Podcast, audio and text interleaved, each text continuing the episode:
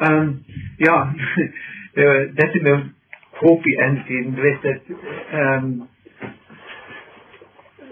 det, det, er veldig få kristne som vet hva som kommer til å skje i endetiden. Vi, vi sier at vi skal være eh, med Jesus i himmelen i all evighet. Det er ikke sant.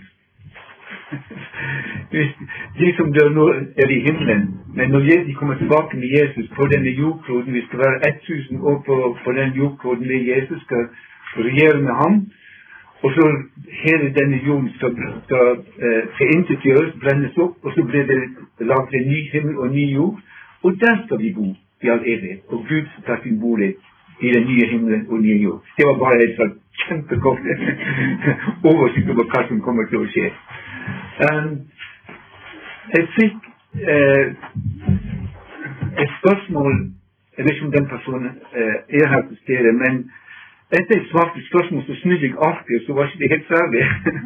så jeg vil bare svare på dette spørsmålet. Eh, og det var dette her eh, Jeg, jeg leser hele spørsmålet, og så tar jeg til den. Vi tror at de, de som er gjengitt, lever i synd. Hvordan er det da mulig at disse skal forstå som medlem i menigheten og være med og påvirke? Og så er den svake på, og så kommer det Hva gjør det med våre unger? Og det er en veldig høyst aktuelt spørsmål. Hva gjør vi? Vi ha ansvar for familien? Jeg har ikke noe godt svar på det, men jeg kan, jeg kan gi sånn som jeg tenker det i hvert fall. I utgangspunktet så er det mann som er, er hodet i familien, og som har ansvar for familien ved å være både materiell, men også åndelig. Eh, og det er, I Bibelen så, så eh, jødisk, Jødene var sikkert mennene har ansvar for å lære opp sine familier. Um, så i min oppvekst høytiden som jeg husker tilbake på Jeg er født i kristen hjem, begge foreldrene. Og om kvelden hadde vi noe som heter Family Worship. Og vi satt sammen rundt eh, kjøkkenbordet, eller hva det være stuen, og så leste vi eh, i Bibelen. Og, og, så samtalte vi om det som vi leste om. At det ikke ville bare sånn ord uten innhold og forståelse. Og det for meg var det høydepunkt i min oppvekst. Eh, for min far eh, han, han, var, han var, eh, han var eh, eldste i pinsemenigheten og hadde masse erfaring. Og det meddelte han. Og det for meg har vært en enorm ballast i livet. Eh, og det er slik at når våre barn var, små, så om kvelden så hadde vi også vi hadde møte. Ja? Og vi hadde til og med navnverv. Så det, det, du har ansvar i ditt hjem, og hvis du er, er enslig mor med barn, og du ikke har mann, så må, så må, du ta den rollen også og ta ansvar for å lære opp barna eh, i, i, Guds ord og, og møte Jesus i hjemmet. Eh, ikke overlate til menigheten. Selv menigheten er en viktig del av våre liv, du skal ikke overlate det til, til menigheten. Det er ditt ansvar i ditt hjem. Så um, det er det, det råd jeg, jeg, kan gi dere. Um, utenom det så er det klart at når, når, når dere først går på møte, så er det godt å um, forklare Det kommer an på hvor gamle de er, selvfølgelig. Men eh, la meg si sånn, fortelle også en ting. Jeg er opplært til å lese, studere Guds ord og ut ifra det finne en menighet, den menigheten som kan komme nærmest opp til Guds ord. Det er ikke det motsatte. Ofte går man på en menighet og blir innpodet med deres doktrine, og så leser du Bibelen ut ifra hva, hva, den menigheten lærer. Så viktig dette her at eh, oppdra familien til å bli kjent med Bibelen. Eh, også når du først går i en menighet, så kan du forklare til de forskjellen på hva Bibelen sier og hva menigheten praktiserer. Eh, det er det rådet jeg kan gi på det spørsmålet der.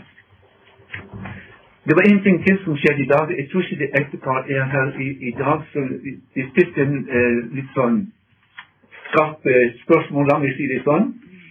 Og så vil han å si om de mennesker som var i en viss situasjon, at Gud jeg tror han sa det slik, vil kaste de i helvete. Som ble presset, jeg ble presset og gitt svar på det der. Og det skal vi være veldig forsiktige med alle svar på slike spørsmål. Hvis dere husker det jeg svarte, var det at, at det står at den som lever i kor, arver ikke Guds rike.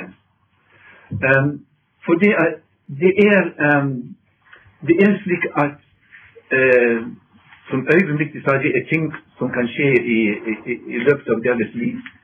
Men det er en annen side også, og jeg vil bare lese fra uh, Matteus 12. Skal vi se.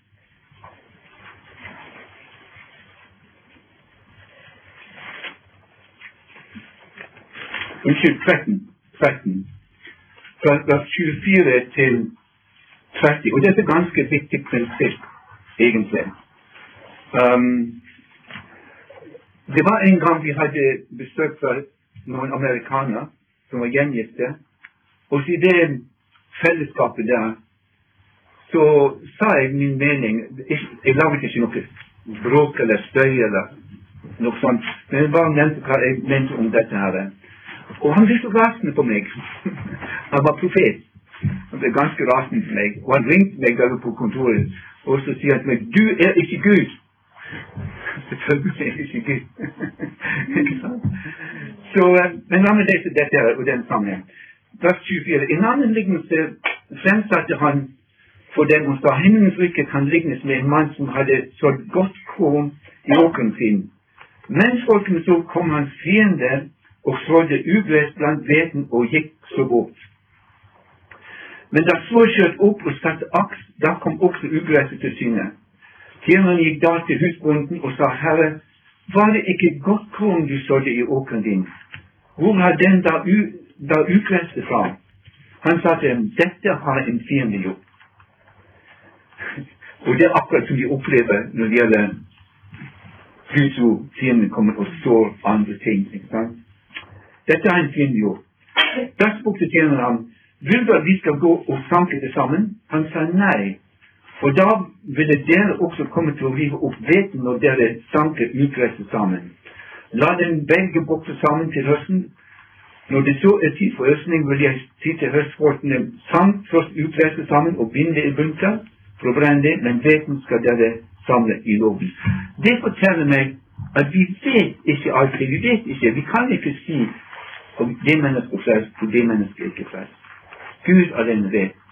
Og vi skal ikke Vi er ikke dommeren overfor mennesker, men hva vi er, vi er dommer overfor det som er rett og galt ifølge Guds ord.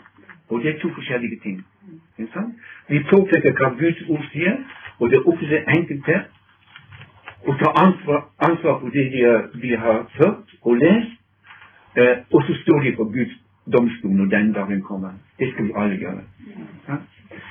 Så um, når du blir presset i et hjørne, ikke gi din uh, utleggelse. Bare si hva Bibelen sier. Ja? Og for jeg blir presset Ja, hva sier du? Jeg har ingen meninger. Det er min mening. så, så vi bare liksom det var, det var, Vi kan lære av sånne ting som dette som plutselig skjer. ikke sant? Hvordan vi skal vi skal håndtere det. Det var bra.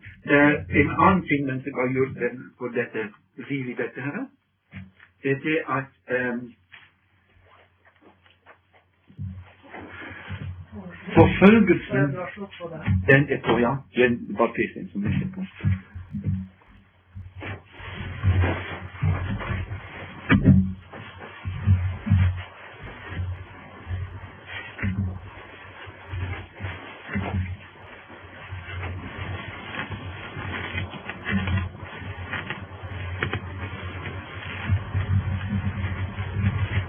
kommet til nummer 30.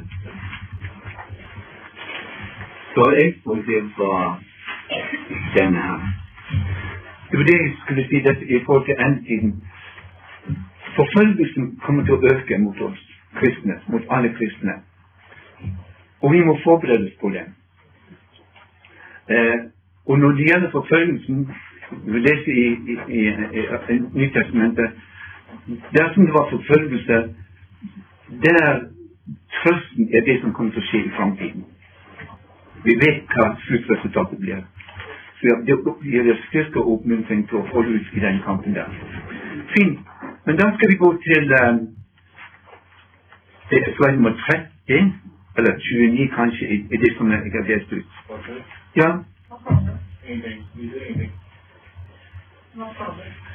Nummer 30. Er nummer 29, eller i, det, i den utskriften som dere fikk utdelt. Og der Og jeg brukte ingenting! det var det du mente. Akkurat. Akkurat.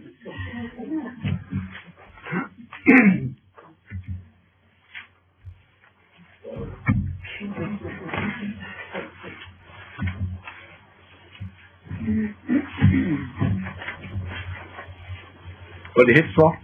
Var det svart i Hele tiden. Skal jeg prøve å bli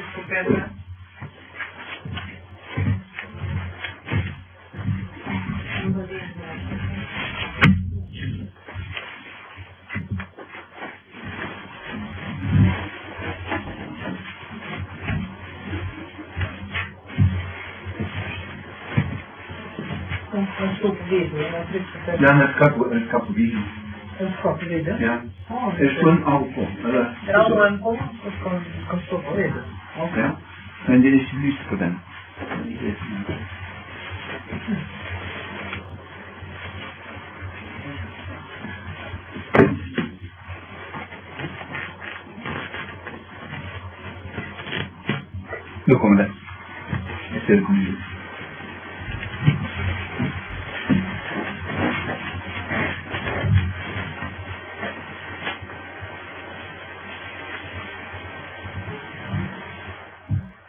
Bla fram i hvert fall der det står eh, spørsmålet, Matteus 15, kapittel 19, eh, Matteus 19, kapittel, kapittel 19, vers 3 til 8.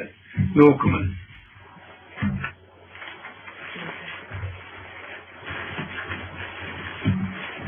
Må ikke ta fra 28, jeg tror det er kanskje bedre det. Skal jeg gå tilbake til 28? Ja, jeg tror det. Ok. Ehm,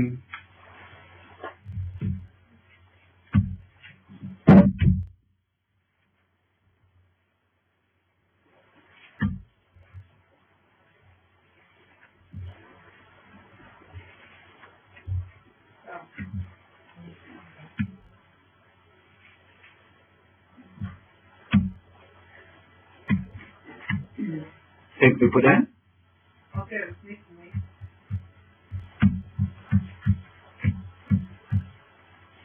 Ja. Det er denne her. Det er her vi skal begynne. Eh, Så slå Matteus 19, eh, fra vers 3 til 8. Og som det ble sagt her um, du, helt, du kommer helt sikkert til å ha spørsmål, så bare noter de spørsmål, så skal vi se på de når vi er ferdig. Dersom tar det forferdelig lang tid å komme igjen alle spørsmålene. Det blir som avbrudd underveis. Matteus 19.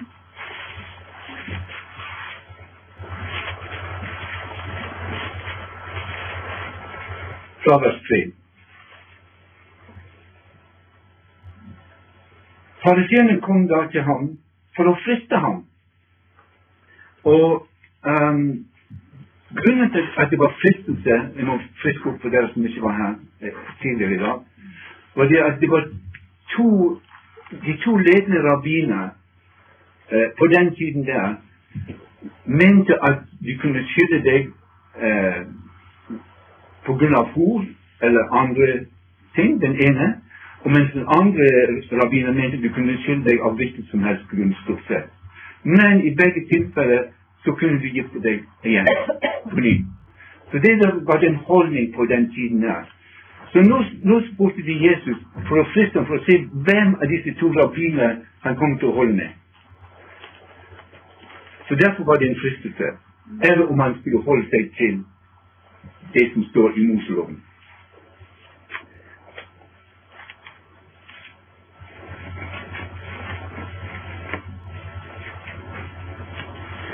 For å flytte ham, og, og de sa det tillatt for en mann å skille seg fra sin hustru av hvilken som helst grunn. Og det var den rabbiner som var mest liberal av de to. Om, om Jesus holdt til, de, til han og hans eh, teologi eller lære. Vers 4. Han svarte og sa, har dere ikke lest at han som skapte dem, fra begynnelsen skapte dem til mann og kvinne, og sa derfor skal mannen forlate sin far og mor og holde seg til sin hustru, og de to skal være ett kjød.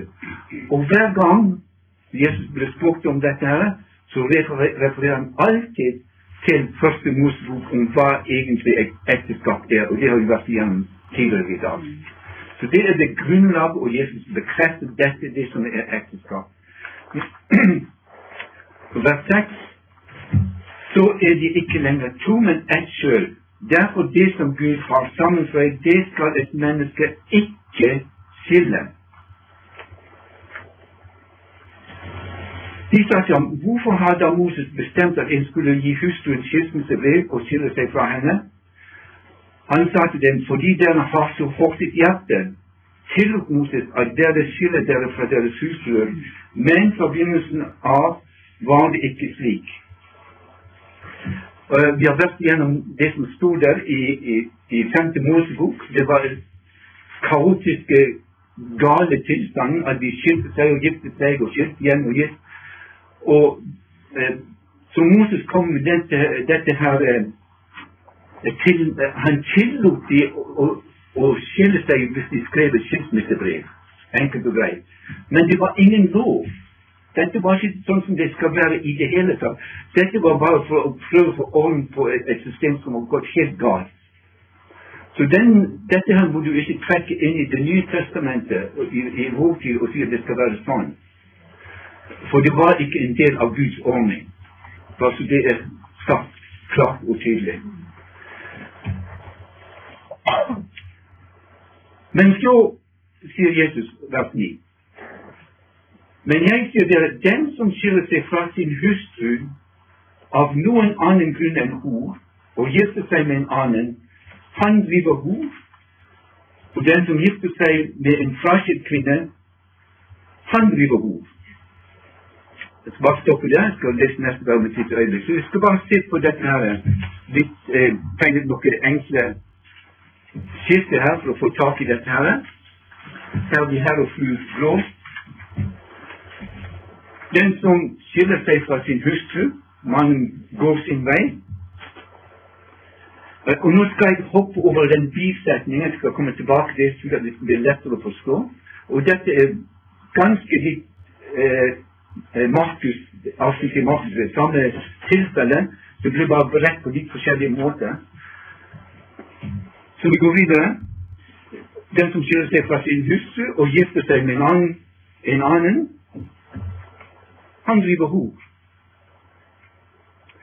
Og så kommer den bisetningen her. Av annen grunn enn ro. Eh, og eh, I den norske bibelen er faktisk dette mye enklere å forklare i den engelske bibelen. det er en stor fordel. Så det han sier, det um, Hvis man skiller seg La oss si at la at man skiller seg av annen grunn enn hor. Og det er mange grunner til at folk skiller seg. Så det er en hel liste av forskjellige ting. Um, som jeg sa i, i, dag tidlig, det var en som sa til meg han skilte seg fra sin husby for hun bare satt så på fjernsyn. Og det var en annen grunn enn hor. Men en grunn som er veldig uh, mye brukt i dag, det er psykisk lidelse. Så hvis vi tar Vi har forlatt en, en annen grunn enn hor. Så hvis vi tar for eksempel, du kan ta veldig mange ting. Den som skiller seg fra sin hustru pga. psykisk lidelse og gifter seg med en annen, han driver hor.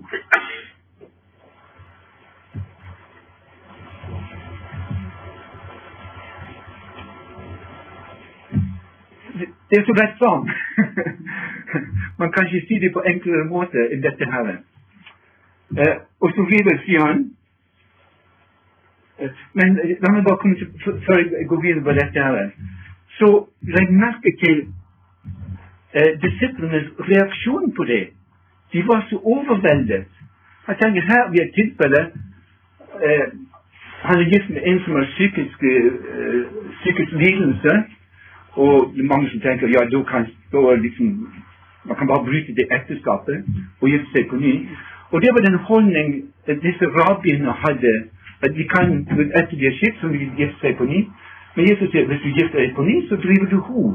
Og du blir så overrasket, for hvis du leser i det neste verset, i, i vers 10 Disiplene sa til ham er mannens forhold til hustru slik, er det ikke godt å gifte seg. Når vi gifter oss, så er det på godt og vondt. Uansett hva som treffer oss i ekteskap, så er vi der livet ut. Uansett om det jeg holdt på å si en dans roser. Det, jeg tror ingen ekteskap har en dans på roser. Jeg har ikke truffet ennå ennå. Vi tøyser litt og sier ja, det er dans, en dans på torneroser. Men, men uansett hva som skjer i et ekteskap, vi er i en pakt, som jeg gikk gjennom i, i, i formiddag, at ekteskap er en pakt, og en pakt kan ikke brytes. Det blir oppløst gjennom at den ene parten dør. Det er det eneste eh, måten det blir oppløst. Så dette viser det at, at når Jesus sier at hvis du gifter deg på ny, eh, så driver du henne. Dette var noe helt nytt for besittende pga. den voldsomme reaksjonen som de hadde. En mannens forhold til hustru slik det ikke godt å, gifte seg.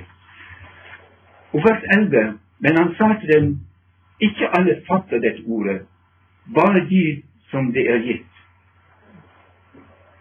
Og så forklarer han dette med, med gjerninger. For det er gjerninger som er født slik av mors liv, og det er gjerninger som er gjeldet av mennesker, og det er gjerninger som har gjeldet seg selv for himmelens rikets skyld. Den som er i stand til å fatte dette, han fatter det. Vi går tilbake til vår skisse her og fullfører dette her. Og den som gifter seg med en kvasisk kvinne, han driver hor. Og så ser vi på den reaksjonen som vi leste nettopp. Um,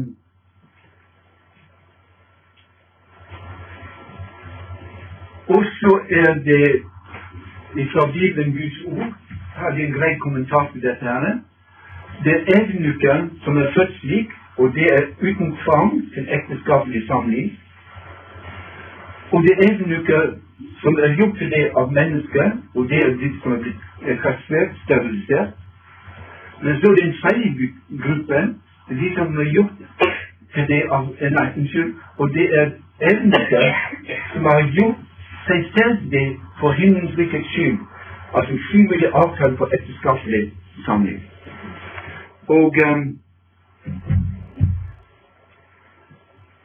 det er slik at det, det er veldig mange hjerteskjærende forhold, ekteskap, som har, som har virkelig vonde problemer som de er oppe i. Og det er faktisk tilfellet um, når det er ingen seksuell samliv men mann og kvinne, f.eks. hvis kvinnen er totalt avvisende, det er ingen grunn for mannen til å skille seg og gifte seg på ny. Han er forhold, Dette må han leve med. Han kommer inn i tredje kategori her. Frivillig avkall eh, på ekteskapelig samliv eh, for himmelens rikes skyld. For det, det er den veien Gud har lagt ut for oss. Og det er tøft. Men Gud er mektig i dette. her. Og når det gjelder det seksuelle, det er slik at uansett om du er gift eller ugift, du skal ha styring på dine seksuelle drifter. Derfor sier Paulus at deres eh, eh, når dere blir enige om det, så skal dere være avholdende en stund, for ikke Satan skal kunne Hvordan er det ordlyden? Um, friste, ja. Så hvis ikke du har styring på den seksuelle driften, så er det en åpen dør for satanisk eh, besettelse. Bare så vi er klar over det. Så eh, hver menneske skal ha kontroll og styring over sin seksuelle drift. Og dette er um, Jeg vet at dette er eh, vanskelig for de det gjelder, men sånn er vår. Sånn er det. Og Gud gir oss styrke til å kunne leve etter Hans ord. Um, og som jeg sa tidligere, det er ingen som får fristelse som de ene ikke er i stand til å overvinne. Det er et løfte i Guds ord.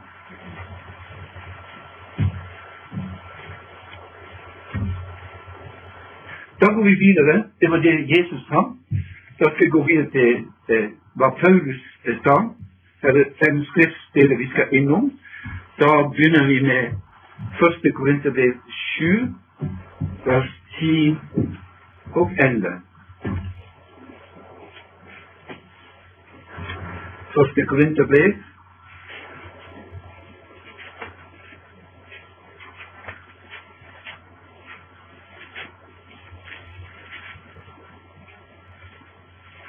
kapittel 7,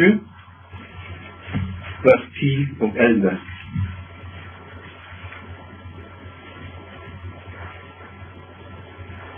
Til den som er gift, har jeg dette bud, ikke fra meg selv, men fra Herren. Og det vil si at Jesus har sagt, sagt dette direkte til Paulus. Det er ikke sånn som Paulus har si, fått fra andre. Han har fått det direkte fra Jesus. En kvinne skal ikke skille seg fra sin mann. Punktum. Ja? Skal ikke. Um, nå vet, har vi vært inn eh, tidligere at det er to unntak som å få det med seg. Og det ene er det at um, hvis den ene parten eh, driver, eh, lever i hor i pågående, pågående, ikke bare sånn et tilfelle, men vil ikke omvende seg, så kan de skille seg. Og eksempelet er fra Gud og Israel. Gud eh, skrev skilsmissebrev til Israel. Eh, Og det andre tilfellet, hvis det ektefelle eh, ektefellet er ene er troende, det andre ikke troende, og den ikke troende vil, vil skille seg, så står det at la ham gå. La den eh, ikke troende gå. Så det er de to tilfellene. Men ellers så skal man ikke skille seg. Eh, og vers 11. Men er hun skilt fra ham, skal hun enten fortsette å leve ugift, eller forlike seg med mannen. Og, mann, og en mann skal ikke skille seg fra sin hustru.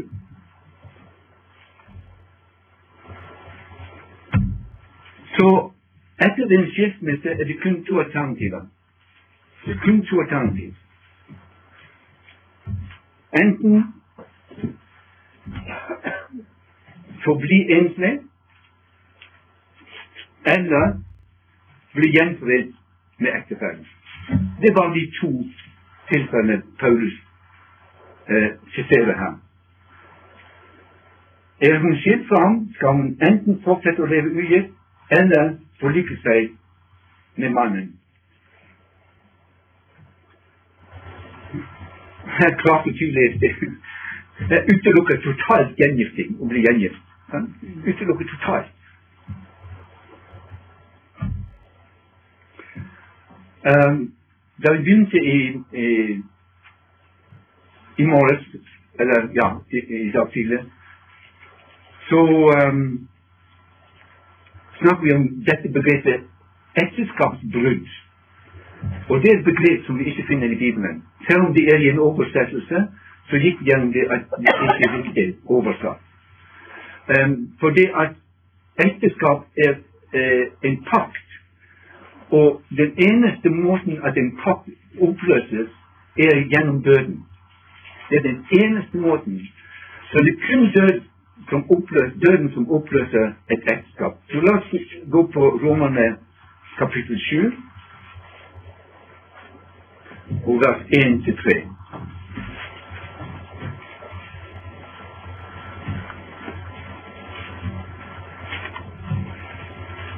Romerne 7, vers 1-3.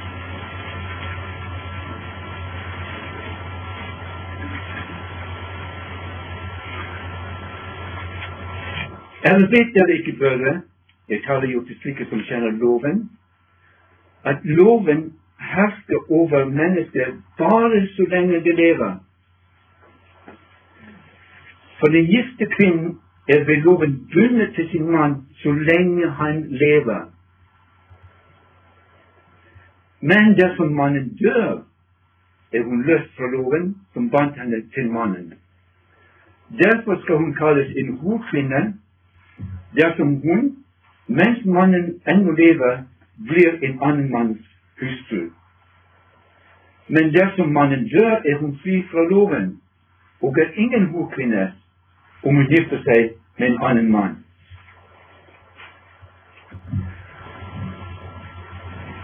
Så der ser vi klart og tydelig at eh, en skilsmisse oppløser ikke et ekteskap.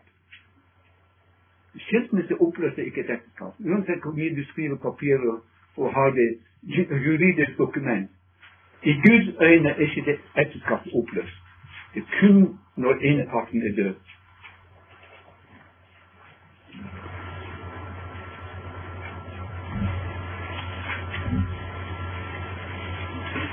Da går vi videre til samme kapittel, vers 27 og 28. Nei, unnskyld. Det er første Korinterbrev 7. Første Korinterbrev 7.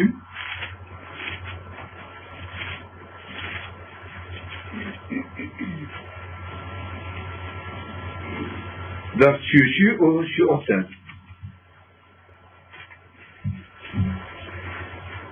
Er du bundet til en kvinne, det du enkelt og greit, er du gift, så søk ikke å bli fri. Det vil si, ikke skill deg. Du skal ikke tenke på det engang. Du skal ikke søke på det. Er du ikke bundet til en, en kvinne, det vil si er du ikke gift, da søk ikke en kvinne. Jeg har lyst til Ja. Det er slik at når man er ugift og ung, så er det mange som opphenger hvem jeg skal gifte. Eh, nå er det bare voksne mennesker. det gjelder, dette gjelder ikke. Men det bare la meg si det i hvert fall. At eh, på, den, at på grunn av den så havner de ut i et ekteskap som sliter. La meg si det sånn. For når det gjelder ditt liv, så skal Gud åpne og stenge dører. Han åpner døren du skal gjennom, og stenger døren du ikke skal gjennom. Er du gjenstridig, så går du gjennom feil dører. Hm? Hvis du har et ydmykt hjerte på mange eh, workshop i dag, så snakker veldig fint om ydmykhet, bøyes på Guds ord. Men har du et ydmykt hjerte, et lydhørt hjerte, ehm, så vil du gå gjennom de dørene som Gud åpner for deg. Det er et fantastisk vers i Salmos ordspråk. Engelsk det Commit thy way unto the Lord and he will direct my paths. Altså, mennesker strever med så mangt.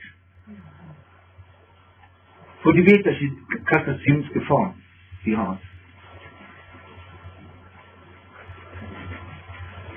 Jeg var barn, så jeg kom for når jeg sier dette, jeg barn, var jeg sånn liten sånn rim eh, på soverommet mitt på engelsk. Said the robin to the sparrow, I would really like to know why these restless human beings beings rush about and worry so.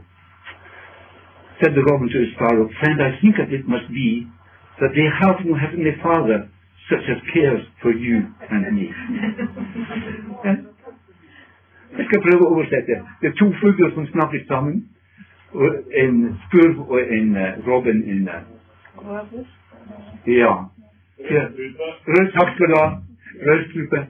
Eh, den ene sier Jeg lurer på hvor disse, hvorfor disse rastløse mennesker skynder seg frem og tilbake og har sånne bekymringer.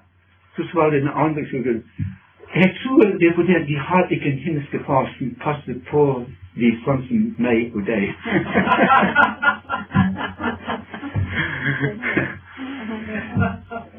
Så når det gjelder dette, tilbake til dette poenget her eh, Legg din liv i Herren ditt, liv, Legg ditt liv i Herrens hånd, så skal Han stå på Han hele ditt hjerte. Så griper Han inn, ja. Så Herren vil lede oss på sine veier. Og, vi skal ikke stresse med framtiden. Han vil lede oss. Det som er vår oppgave, det er et ydmykt hjerte, et lydhørt hjerte, at vi er lydige. Det var dette her med å styrke kvinner. Så eh, 1. Korinterbrev 7, vers 27 og 28. Men om du likevel gifter deg Nå snakker til den som er ugift. Hvis du likevel gifter deg, så synder du ikke. Og om jom, jomfruen gifter seg, så synder hun ikke. Men de som gifter seg, blir få for sitt kjød, og dette vil jeg gjerne spare dere for. Så Paulus forutsier når du gifter deg, så vil du få. Så ikke vær overrasket når du får trengsel i ditt ekteskap. Det er sånn som følger med. Men gjennom de trengslene der, så Det er en fordel å være gift, og det er en fordel å være ugift. Det er dette her. Og det som er problemet i dag, er at man bare snakker om de fordelene å være gift. Ingen snakker om de fordelene å være ugift. Sånn? Den som er ugift, er mye mer innbitt til Herren, for hun tenker, eller han tenker på det som vil behage Herren. Mens vi som er gift, vi tenker hva som behager vår ektefelle. Ikke den ene er bedre enn den andre, men det er bare sånn.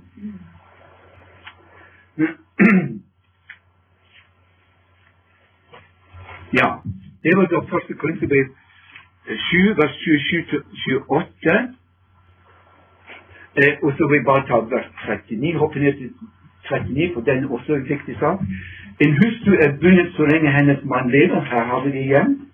Men om hennes mann er død, da har hun frihet til å gifte seg med hvem hun vil. Og så kommer dette her. Bare det skjer i Herren. Ja? Så du kan ikke bare gifte deg med hvem som helst. Du får øynene på bare det skjer i Herren. Og som jeg sa tidligere i dag, at um, vi, vi skal ikke dra i fremmed åk med andre. At vi skal med, med, med ufrelste. Et frelst menneske skal gi seg med en ufrelst menneske. Så det er en betingelse her. At det skjer i Herren. Ja, for jeg mener på dette på grunn av den nødstiden vi lever i, det er godt for mennesket å leve ugift. Så Kirsti Jensen forklarer dette. Kun døden oppløser ekteskap. Der vi ektepar eh, Mannen dør, ligger i graven her. Og så kommer en ny mann inn i bildet, og de gifter seg. Helt korrekt. Det er helt perfekt. Helt, ingen problem. Ja? Det er helt greit. Det er kun døden som oppløser ekteskap. Eh, men så sier Paulus nå her at yngre enker han oppfordrer de til å gifte seg. Men kun en kristen. 1. Timoteus 5, 14.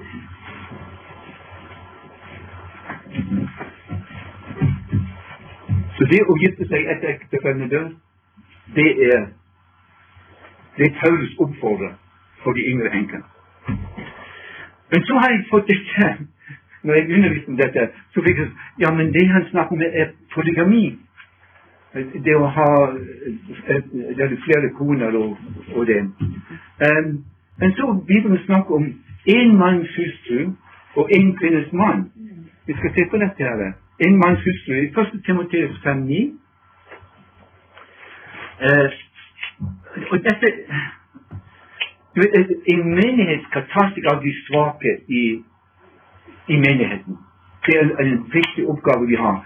Uh, Altfor alt ofte i meningen er de som er fremme i, i klasserommet der som får oppmerksomhet, men det er helt fullstendig feil. Det er de svake som skal få oppmerksomhet. Vi snur mange ting på hodet her. Så han sier det en enke kan bli slått på listen eh, om hun ikke er yngre enn 60 år. Altså på listen dette er å få eh, økonomisk støtte, det hun trenger av hjelp. Eh, og det var tydeligvis veldig mange i, i den tiden der, så de, de, det var sikkert ikke mulig å, å, å støtte alle. Så hun satte noen begrensninger. En enkelt kan de få på listen om hun ikke er yngre enn 60 år, det vil si hun er 60 år eller eldre. Det var det ene. Og det andre ting, og hun, hun har vært en manns hustru. Så hun har hatt én mann, så kan, hun er 62 år, så kan hun bli ført på listen for å få økonomisk hjelp og støtte. Men har hun hatt to menn, så er hun diskvalifisert. Det er Paris som gir dette budsjettet til Timoteus, hvordan de skal gjøre dette i menigheten.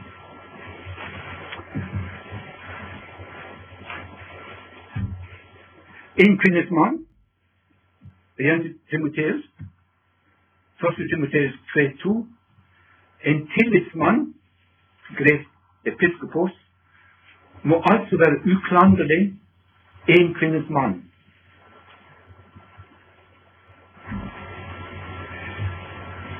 Og lenger ned i det kapittelet der, i vers 12, diakoner, vil si menighetstjenere, på gresk diakonos, skal være en kvinnes mann og å kunne styre sine barn og egne hus.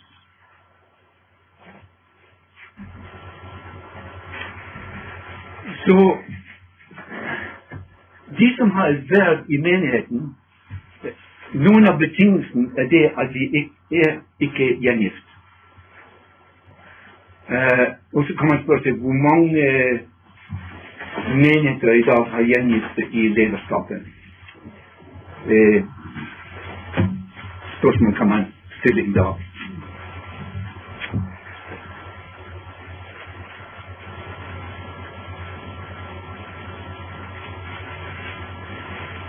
Ja, jeg kom til å tenke på det spørsmålet vi, vi, hadde her eh, tidligere, om dette med de som er i lederskap og gjengifte. Eh, vi, vi gikk i en menighet, og så eh, pastoren ville at vi skulle være medlemmer. Og så i lederskapet var det en som var gjengift. Og jeg sa til han at av samvittighetsgrunn kan jeg ikke melde meg inn her. For hvis jeg melder meg inn som en medlem av menighet, så godkjenner jeg den praksisen som dere har med gjengifte. Så vi blir aldri medlemmer av den menigheten der. Um, ja. Og i første Korinterbrev 7 vers 2 der står hver mann skal ha sin egen hustru. Det er ikke snakk om polygami her i det hele tatt. Bare for om det kommer motsvar mot det, med det som jeg, jeg, jeg, fikk spørsmål om. Og det står også at hver kvinne skal ha sin egen mann. Så det er ikke snakk om polygami i disse skriftstedene som jeg har snakket om. Ekteskap Det er mange ting i Bibelen som er en kopi av det himmelske. Um, tabernaklet som Moses bygget, det var en kopi, kopi av tabernaklet i himmelen. Gud ga en nøye beskrivelse, så detaljert, om hvordan tabernaklet skulle bygges. Og det er utrolig mye symbolikk i dette som vi ikke har muligheten til å gå inn på i det hele tatt. Men poenget er at eh, tabernaklet var en kopi av det som var i det himmelske. Um, det var en som sa det på den måten, den måten der at eh, eh, en camp- campingvogn er liksom en kopi av, av, av hjemmet ditt. sant? Du har seng, du har eh, sånn vask og dusj og, og alt dette her. Det er ikke det ekte, men det er liksom en kopi av det som er. Det bare liksom, ja, for et bilde da. Eh, men ekteskap er en kopi av det guddommelige forhold på to områder mellom Gud og Israel. Israel var snakk, eh, Gud gikk i ekteskapspakt med Israel, det har vi sett på tidligere i dag. På den ene siden. Eh, og til den andre siden Kristus og menigheten, som er da bruden. Så et ekteskap er en kopi av det, det forhold mellom Jesus og menigheten. Og når du får øye opp for det i ditt ekteskap, så får ekteskapet ditt en helt annen dimensjon, dimensjon og innhold. Totalt annerledes til hva verden tenker og mener om ekteskap.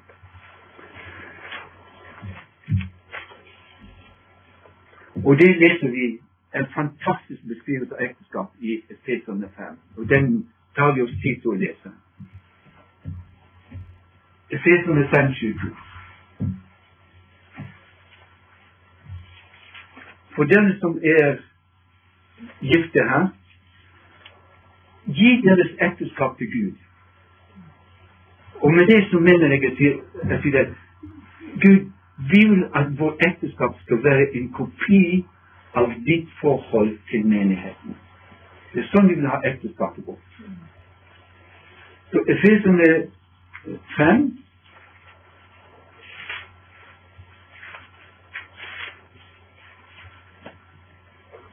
Og det er slik at når man leser dette her I det ene øyeblikk så tenker du på ektefelle, mann og kvinne, og neste øyeblikk så tenker du på menigheten og Kristus. Og så går de sånn om hverandre at du klarer ikke å skille dem. Og grunnen til det er at de gjelder begge deler. Vi skal lese dette her, Fiskene 5, 22.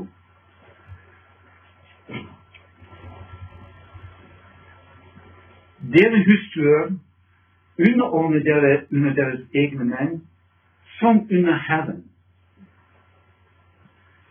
Um, det er klart at dette her er blitt misbrukt noen ganger. Eh, mannen er ikke dominerende på samme måte som Jesus er ikke dominerende. Jesus dominerer ikke ditt liv. Du velger Man skal være herre i ditt liv. Han tvinger ingenting på deg. Absolutt ingenting.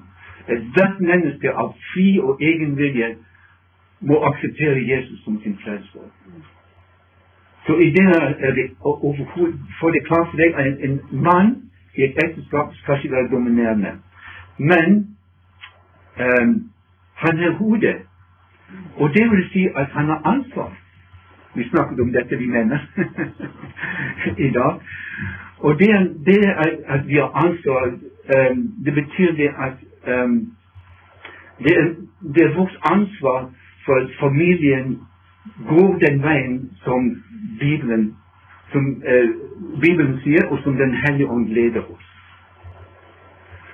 Um, og Det er ikke slik at mannen er liksom en, en ja, Gud bare taler til mannen. Gud kan tale gjennom koden også. jeg opplevd mange ganger.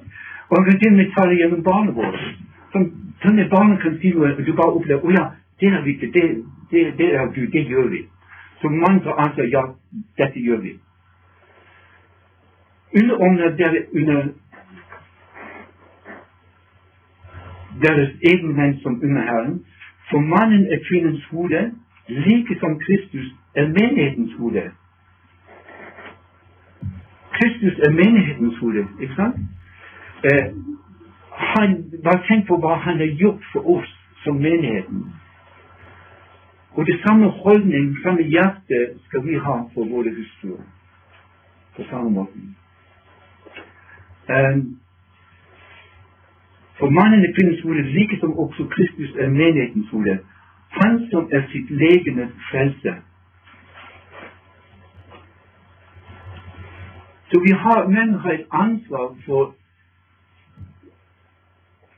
kvinnens, hustruers frelse også. Ikke på den måten der at, at eh, vi bestemmer over deres frelse, men vi må legge til rette og ikke legge noe i veien for at de skal vokse i Herren. Ikke, ikke bare vi skal oppmuntre dem til det. Um, vers 24. Men like som menigheten underordner seg under Kristus, så skal også hustruene underordne seg under sine menn i alle ting. Det er ikke dermed sagt at kvinner er enige om alt. det er to forskjellige ting. De kan være uenige, men det er mannen som tar ansvar. Hvis mannen sier nei, jeg mener vi skal gjøre dette her, og innenfor Gud, selvfølgelig, så skal kvinnen si ok, du er hodet, Men du tar ansvar for det. Ja. Og så kom, og så kom eh, når det gjelder menn, dere menn, elsk deres hustruer liksom også Kristus elsket menigheten og ga seg selv for den. Det er kanskje den største utfordring, største oppgave vi menn har i livet. Tenk hvordan Kristus elsket menigheten, og elsker menigheten. Og på samme måte skal vi elske våre hustruer. Hvordan er det Jesus elsker oss? For det første så er det alltid tilgivelse. Han har alltid tålmodighet med oss. Avviser oss aldri. Lytter alltid til oss. Det er bare noen av de noen stikkord. Og du kan komme på mange ting hvor Jesus har vært eh, med deg i ditt liv. Og slik skal vi være, vi menn, verden til vår hustruer. Så jeg har det som mål å kunne elske meg ved slik som Kristus elsker menigheten. Det mål som jeg jobber med.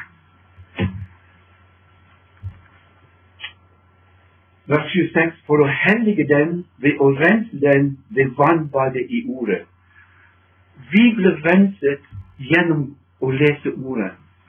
Og det er så viktig at ordet er i vår ekteskap også.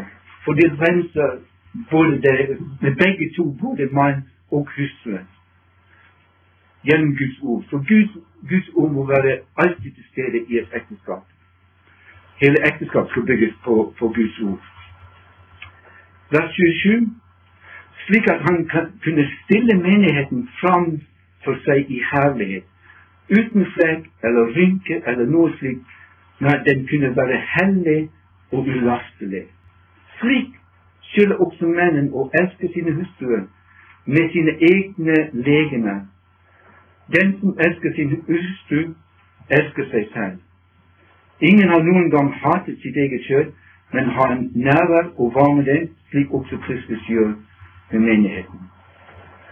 Så til dere som er gifte ektefelle her, oppfordring til mennene elsk din hustru på samme måte som Jesus har elsket deg. All, ingen bitterhet. Ingen bitterhet. Ingen bitterhet. Ja? Alltid tilgivelse. Det er et fantastisk bilde. Han siksker i ekteskap der.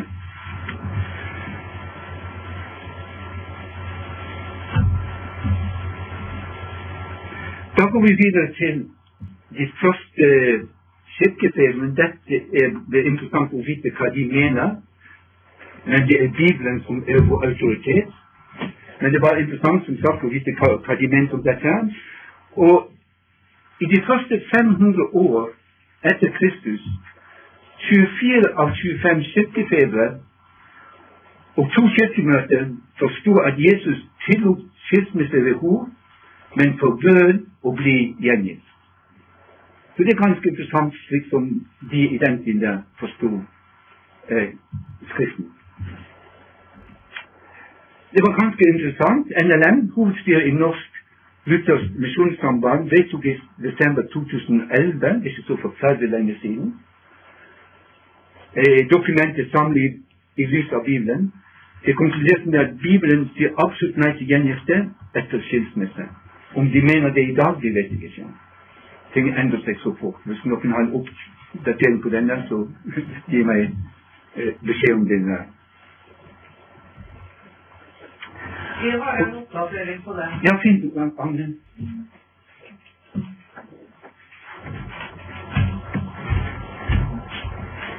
Um, Arne Rudvin, som var fast uh, biskop ute i Pakistan i 40 år, han skrev et brev til Misjonssambandet. fordi at jeg, når jeg kom til Oslo, så jeg, var jeg usikker på hvilke menighet jeg skulle begynne i.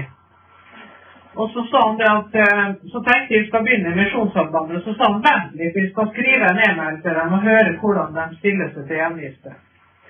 Ja, så skrev han en e-mail og fikk svar at vi er absolutt mot gjengifte.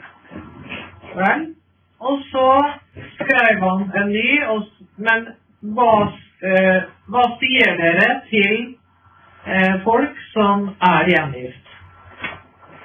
Nei, da sier vi at de må for all del ikke skille seg, for da blir det en ny skilsmisse.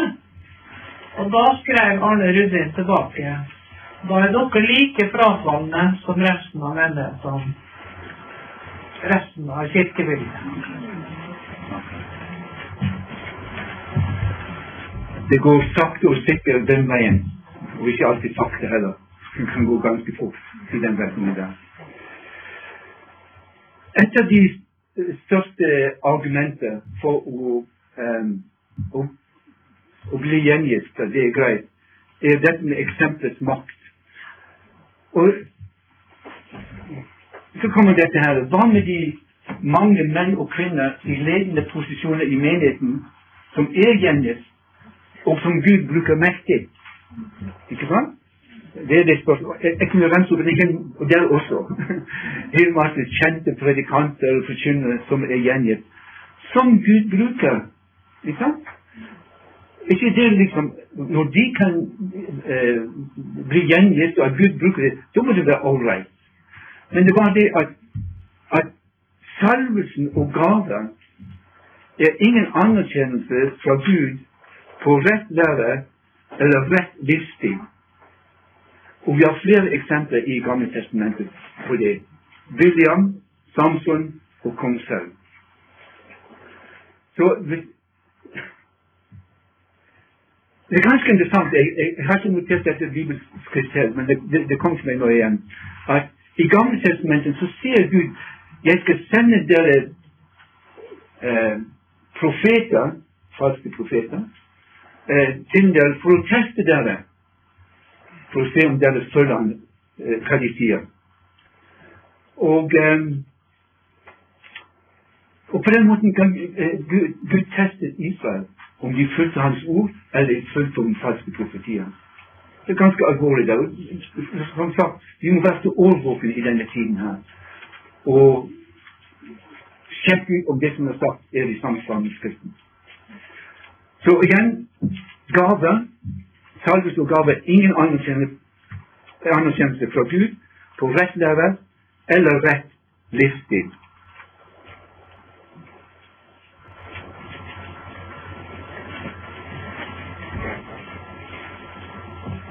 Og så har jeg hørt denne her. De som har blitt skilt og gjengift, de forteller hvordan Gud hadde ledet de sammen, og hvor velsignet de er i sitt nye ekteskap. Men igjen Guds velsignelse er bevisst på Guds nåde og ikke på Guds samtykke. Gud sender regn på de gudelige, de gudelige og de ugudelige. Så det eneste vi skal rette oss etter, det er ikke det ytre ting som vi ser, om en menneske er brukt av Gud eller ikke. Eh, om en menneske sier hvor vellykket de er i sitt ekteskap. Det som det gjerne er å se, stemmer dette overens med Skriften. Og det er det vi skal forholde oss til.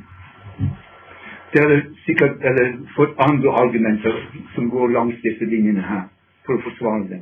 Vi mennesker er utrolig eksperter for å finne unnskyldninger for å leve vår, ut våre lyster. Vi er eksperter på å unnskylde oss og finne på unnskyldninger.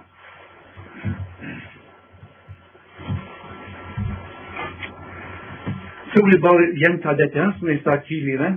Hvis du ikke kan gå gjennom alle disse argumenter, så er dette her et argument som jeg anbefaler deg å få tak i. Og det er dette her. Hvis skilsmisse oppløste et ekteskap, var det helt unødvendig, meningsløst og feil for Jesus å si at den som gifter seg med en fraskilt, driver hor. For det at hvis den skilsmissede løste opp ekteskap, så driver de ikke henne. Men i og med at skilsmisse ikke oppløser ekteskap, kun døden oppløser ekteskap, så driver de henne fordi den de blir først er fremdeles i livet.